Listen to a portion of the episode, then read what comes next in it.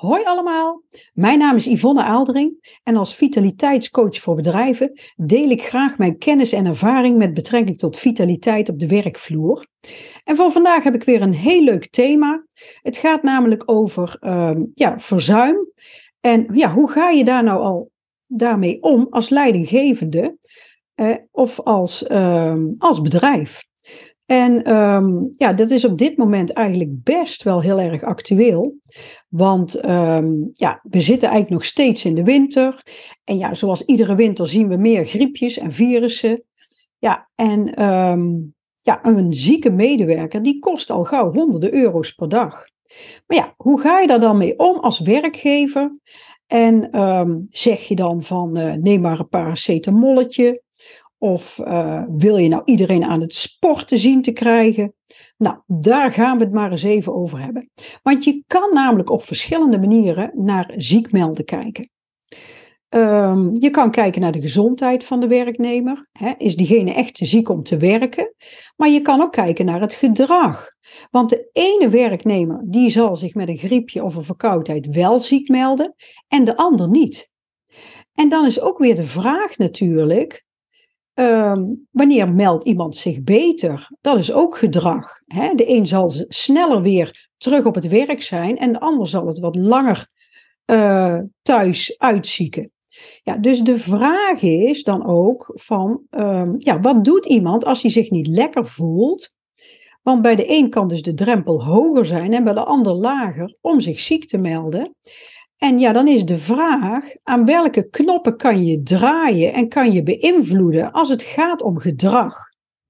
En um, ja, waarbij je toch natuurlijk uiteraard de gezondheid van je medewerker respecteert. Nou, en zo is iemand zijn leefstijl is in feite ook gedrag. Maar ook of ze zich ziek melden. Dat is ook echt puur gedrag. Nou, en dan kan je je afvragen als werkgever, nou, waar heb ik nou invloed op? Wat kan nou echt het verzuim verlagen en beïnvloeden in positieve zin? Nou, als we dan kijken, hè, daarvoor moet je ook natuurlijk een beetje kijken naar de infrastructuur van een bedrijf. Hè, dat is echt iets waar je ook mee aan de slag kan. En dan moet je denken aan bijvoorbeeld werkdruk, werkstress, werksfeer, op de werkvloer. Maar ook, uh, denk ook aan logistiek, hè, aan hulpmiddelen die, uh, die kunnen werken. Hè, dat is ook echt aangetoond in onderzoeken. Denk maar aan ergonomische stoelen, sta-bureaus. Um, hè, het is echt inmiddels ook aangetoond dat als jij mensen hebt die bijvoorbeeld al klachten hebben of in het verzuim zitten met bijvoorbeeld lage rugklachten, dat als jij daar met de ergonomie aan de slag gaat, dat het echt effectief is en dat het resultaten oplevert. En dat je bijvoorbeeld door een ergonomische stoel, dat je iemand zijn zithouding zou kunnen verbeteren. Hè, wat dan weer ten bate is van die rug. Ja, en de vraag is dan natuurlijk ook nog, als jij als bedrijf een hoog verzuim hebt, ben je dan een slechte werkgever? Nou, dat is natuurlijk niet uh, altijd uh, het geval. Dat is ook afhankelijk van de werkomstandigheden, van de branche, wat voor soort werk het is. Kijk, als je echt slecht werk hebt, waarbij je ook niet veel aan de omstandigheden kan veranderen, ja, dan is dat zo. Maar over het algemeen geldt dat we echt wel het verzuim kunnen beïnvloeden door de omstandigheden te verbeteren. En ondanks dat we als werkgever wel eens denken dat er niks te verbeteren valt, ja, valt er soms toch nog wel winst te behalen. Nou ja, wat verder ook heel belangrijk is, is dat je zorgt dat een zieke medewerker heel laagdrempelig met zijn leidinggevende in gesprek kan komen. En soms is het ook noodzakelijk om bijvoorbeeld een stukje uh, begeleiding vanuit de arboarts in te zetten. dat kan soms ook heel uh, effectief zijn. Nou ja, en dan is natuurlijk ook de vraag, als mensen ongezond zijn, of je daar wat mee kan. kan jij iemand zijn leefstijl uh, beïnvloeden? Nou, het is echt inmiddels wel aangetoond, want we zien dat vitaliteit meer op de agenda staat tegenwoordig bij bedrijven dat je daar wel degelijk iets mee kan. Um, leefstijl verbeteren, veranderen. Het is echt aangetoond dat we daar echt de positieve effecten van zien. Dus um, ja, daar valt zeker voor veel bedrijven nog winst te behalen. Nou, en dan heb je natuurlijk altijd de discussie op de werkvloer hè, met werkgevers en werknemers. Want werknemers zeggen al heel snel: de arbeidsomstandigheden zijn niet goed of moeten goed zijn. En een werkgever zal eerder zeggen: uh, jouw leefstijl is niet goed. Hè, of die verwijt misschien een werknemer zijn ongezonde leefstijl. Nou ja, bij uh, beide valt natuurlijk winst te behalen. Maar goed, we gaan terug naar dat verzuim. Want verzuim is gedrag. Het uh, besluit om je ziek te melden is een gedragsmatig besluit. De vraag is hoeveel je wint als werkgever door aan deze knop te gaan draaien en daarmee aan de slag te gaan. En dan is natuurlijk ook de vraag van nou, hoe draai je aan deze knop? Hoe pak je dat aan op de werkvloer? Hoe zorg jij er nou voor dat de mensen zich minder snel ziek melden? Nou, wat daarbij heel belangrijk is, is het verzuimgesprek. het gesprek wat je doet als iemand zich ziek meldt. Ja, en dat is voor heel veel leidinggevenden erg moeilijk en lastig. Um, want durf jij iemand aan te spreken die zich niet lekker voelt, en die persoon die zie je vaak ook nog dagelijks, daar heb je een werkrelatie mee, maar durf jij iemand op zijn verantwoordelijkheden aan te spreken of op zijn gedrag? Nou, daarvoor heb ik een aantal ontzettende fijne en praktische tips. En geloof me, als je daarmee aan de slag gaat, daar ga je echt de profijten van bemerken.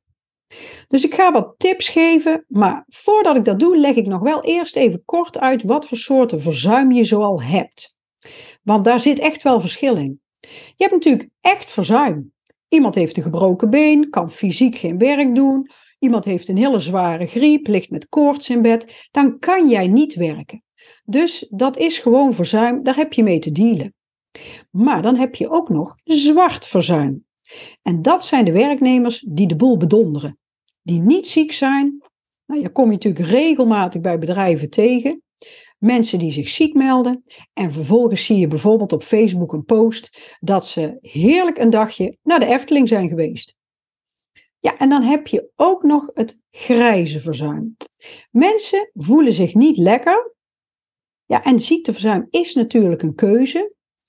Ik voel me persoonlijk ook wel eens niet lekker maar heb een zeer hoge arbeidsethos en zal me dus niet zo snel ziek melden. dan moet het echt niet meer kunnen. Ik doe dan toch mijn werk en ga eventueel na mijn werk in bed liggen of ik pas mijn schema aan. maar werk staat bij mij wel, ik, ik, ja, ik vind dat wel heel belangrijk en ik ben heel plichtsgetrouw.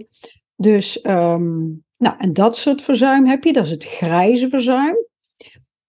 Maar je hebt ook mensen die zich niet lekker voelen en ehm, dan praten we niet over een echte griep met koorts, maar bijvoorbeeld een verkoudheid, waardoor je je niet echt optimaal voelt. En dan zien we soms, dan noemen ze presentisme. En dat betekent dat medewerkers dus wel aanwezig zijn op het werk, maar ze voelen zich niet helemaal oké, niet helemaal optimaal. Dus ze presteren niet optimaal, maar ze zijn er wel, maar eigenlijk ook weer niet. Ze zijn niet helemaal lekker, ze gaan toch werken, presteren minder ja, een soort um, verborgen ziekte. Nou, en um, de kunst is om goed te kijken, en op geen ken je natuurlijk ook je medewerkers, met wat voor soort verzuim je te maken hebt. En waar ik het vooral met jullie over ga hebben nu, is over het grijze verzuim eruit gaan filteren. Want daar kan je echt wat mee. en dat is echt, mensen voelen zich niet helemaal top. Maar ziekteverzuim is een keuze en ze melden zich dan ziek. Nou, en wat kan je daar dan mee? Nou, als manager um, is het heel belangrijk, en dat wordt de eerste tip. Zorg dat je als manager een telefoontje krijgt. En dat het bijvoorbeeld niet naar de secretaresse gaat, of dat je via een e-mail of een appje ziek kan melden. Want dan is ziek melden wel erg makkelijk en laagdrempelig. En dan kan de medewerker zich snel ergens achter verschuilen. En onderzoek heeft ook echt uitgewezen dat als men zich moet ziek melden bij de leidinggevende, dat je dan toch een drempeltje opwerpt. waarbij men zich serieus afvraagt: zal ik me ziek melden of niet, nu ik me niet zo lekker voel? Nou, tip 2 is: zorg voor direct contact. Nou, dat zei ik eigenlijk net al, hè? niet via e-mail of app, of via de secretaresse, de receptioniste of iemand anders, de planner. Maar en waarom is dat nou zo belangrijk? Nou, omdat als jij direct contact hebt met jouw medewerker, dan kan je vragen stellen en dingen regelen. hele praktische zaken. Want het werk gaat namelijk wel door.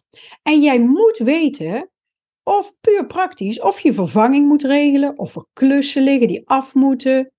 Ehm, dus vraag eerst natuurlijk hoe gaat het, maar snel daarna ehm, ga je ook vragen, moet ik nog wat regelen? Moet er een vergadering afgezegd worden? Moet er werk overgenomen worden? Ehm, en laat gerust in het gesprek ook merken dat iemand gemist wordt en dat er daardoor ook gewoon werk blijft liggen. En geef aan dat je nu eenmaal afspraken moet maken voor de gevolgen van iemand zijn afwezigheid. En dat is alleen al op het werk gericht en puur praktisch. Dat heeft helemaal niks met medisch ehm, of met, um, het, met, met iemand zijn klacht te maken. En voor veel leidinggevenden is dit gesprek heel erg lastig, omdat men niet zo goed weet wat men wel of niet mag vragen in verband met de privacy. En ja, hoe pak je dat dan aan? En natuurlijk zeg je ook beterschap. Hè, uh, kruip maar lekker onder de wol, bij wijze van spreken. Nou, en dan is tip 3, is maak een afspraak wanneer je weer contact hebt. En dat kan zijn dezelfde dag of morgen. Want het werk gaat nu eenmaal wel door en je betaalt een salaris voor iemand. Dus dan mag je ook uh, ja, wat voor terug verwachten. Als iemand zich goed voelt, mag hij daar uiteraard wat voor terug doen. En daarnaast wil jij natuurlijk ook het liefst vandaag nog weten of je wel of niet vervanging voor morgen moet regelen voor iemand of voor langere tijd of, hè, of dat er uh, een, een project of een klus overgenomen moet worden, noem maar op. En voor sommige werknemers is dat best heel wantrouwend, hè, maar het is eigenlijk gewoon een heel praktisch verhaal. En sommige werknemers die zullen misschien wel zeggen van nou ga je me vandaag alweer bellen. Terwijl ze natuurlijk zich net ziek hebben gemeld. Maar dat heeft alles te maken met het werk. En um, veel leidinggevenden vinden dit heel lastig. Ze laten dat dan liever door iemand van HR doen. Maar het is echt inmiddels is gebleken uit de praktijk dat de rol van de leidinggevende bij het terugdringen van verzuim, die is heel erg groot. En bij veel bedrijven valt daar gewoon nog winst te behalen, is mijn ervaring. Ja, en wat het ook zo lastig maakt, is dat je als leidinggevende natuurlijk niet zomaar mag zeggen als iemand grieperig is, duw er maar drie paracetamolletjes in. Nee, dat mag niet. Terwijl je dat misschien wel denkt. Maar je moet je aan de privacywet houden. Daar hebben we nu eenmaal mee te maken. Nou, tip 4 is: probeer je wantrouwen niet door te laten klinken in de telefoon. Kijk, je herkent het allemaal wel. Hè? Je kent allemaal vaak je eigen pappenheimers die laagdrempelig ziek melden als er uh, alleen maar een teennagel dwars zit, bij wijze van spreken. Je ziet het telefoontje, je herkent het nummer en dan denk je, oh, daar is ze weer. Maar pas op, want je hebt ook situaties dat mensen echt doodziek zijn of dat er iets gebeurd is en dat ze echt terecht ziek melden. Kijk, en als jij dan vragen gaat stellen, dan landt dat erg verkeerd en daarnaast is dat ook een aantasting van hun privacy. en daarnaast heb je ook mensen, dat is dan weer een andere categorie, die zo gedreven zijn, die moet je naar huis sturen. Omdat ze anders misschien wel langer uit de relatie zijn ik heb zelf mijn kinderen ook opgevoed met niet zomaar ziek melden. als je een keer hoofdpijn hebt of je niet top voelt. Ja, met als gevolg dat een van mijn zonen naar zijn werk is gegaan en daar alles onder gekotst heeft. Waarop de werkgever zei, nou je had best thuis mogen blijven hoor. Kijk, en dat is de andere kant van de medaille. Nou, tip 5 is, praat nooit over de ziekte, want dat is iemand zijn privacy. Praat vooral over de afwezigheid, want dat is een keuze. En um, dat noemen we ook wel demedicaliseren.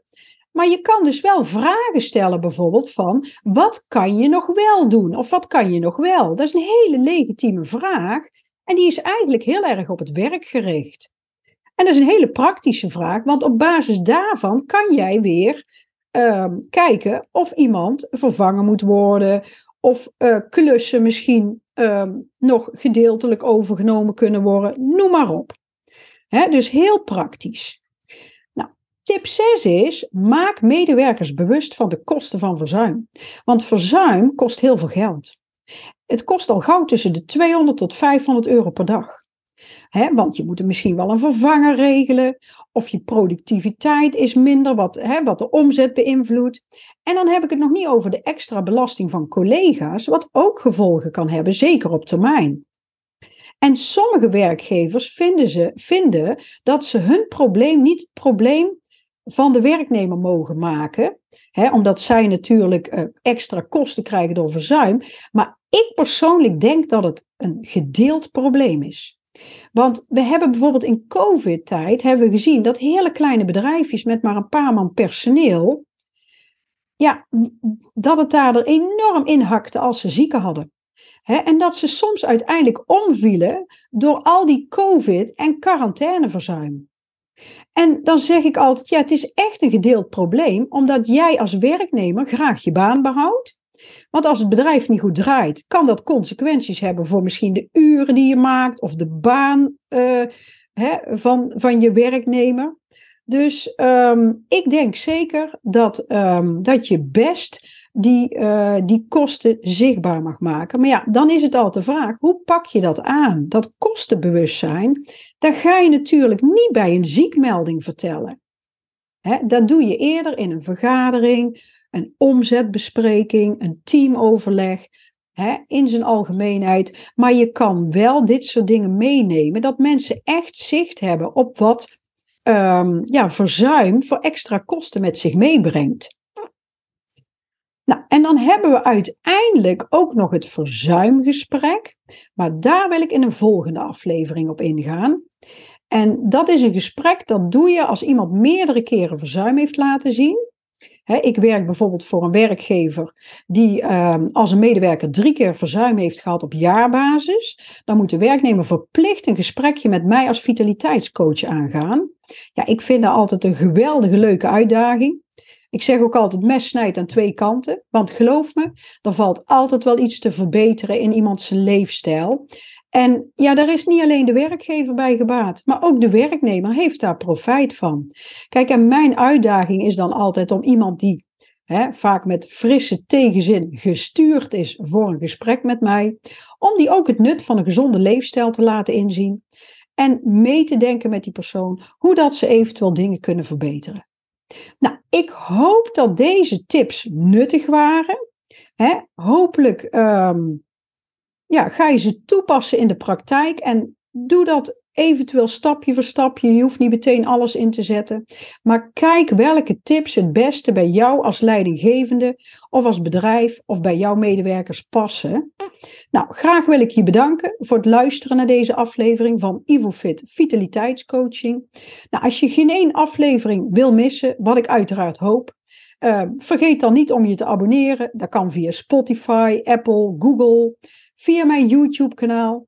Nou, mocht je nog iemand in je omgeving hebben uh, waarvan je denkt, die zou zeker wat aan deze tips hebben, ja, deel dan gerust deze of andere afleveringen in je netwerk. En uh, ja, dan zou ik zeggen graag tot een uh, volgende keer.